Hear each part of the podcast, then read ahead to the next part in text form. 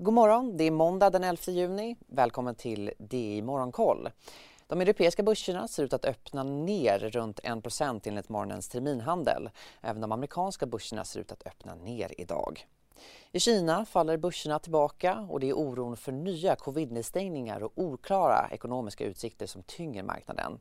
I Shanghai har det första fallet av BA5 som är den smittsamma undervarianten av omikron rapporterats under helgen. Myndigheterna varnar att det är mycket höga risker kopplade till upptäcken.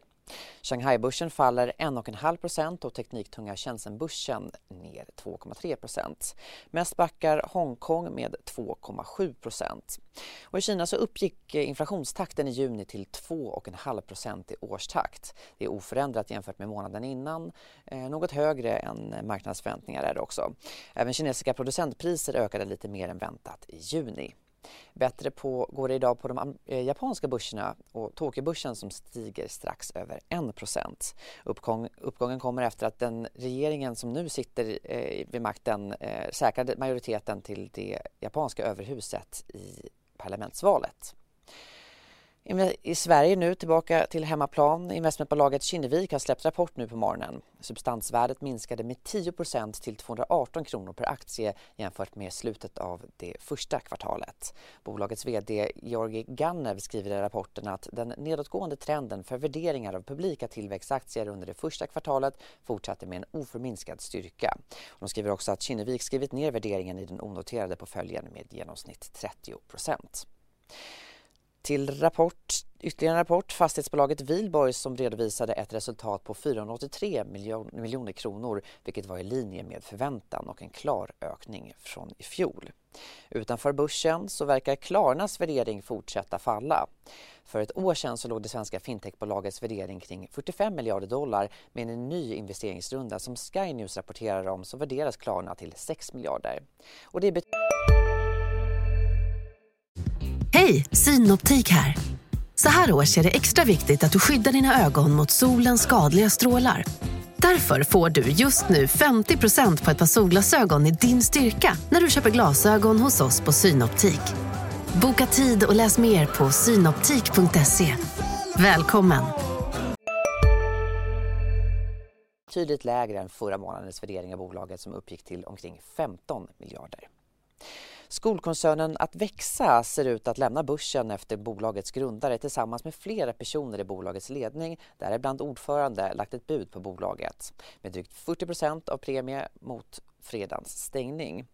Budgivaren Demina kontrollerar i nuläget knappt 70% av aktierna och 95% av rösterna. Till bostadsmarknaden. SCPs boprisindikator fortsätter att falla och nu är den på den lägsta nivån sedan finanskrisen. Mätningen visar skillnaden mellan andelen hushåll som tror på stigande respektive fallande priser och det föll till minus 27 i juli jämfört med minus 16 föregående månad. Danske Bank vinstvarnar för det andra kvartalet och sänker vinstprognosen för resten av året. De ogynnsamma förhållandena på finansmarknaden, speciellt de snabbt stigande räntorna, gör nu att banken spår en vinst i år mellan 10 till 12 miljarder danska kronor. Tidigare spådde man mellan 13 till 15 miljarder. Även det svenska IT-bolaget 24-7 Office vinstvarnar och räknar med väsentligt lägre resultat framöver. Bolaget skyller vinstvarningen på fortsatta problem med ett tidigare förvärv. Konflikten i SAS fortsätter. Igår så meddelade piloten att de inte längre kommer att göra undantag för att flyga, flyga hem strandsatta charterturister. Vi följer SAS utveckling på börsen under dagen.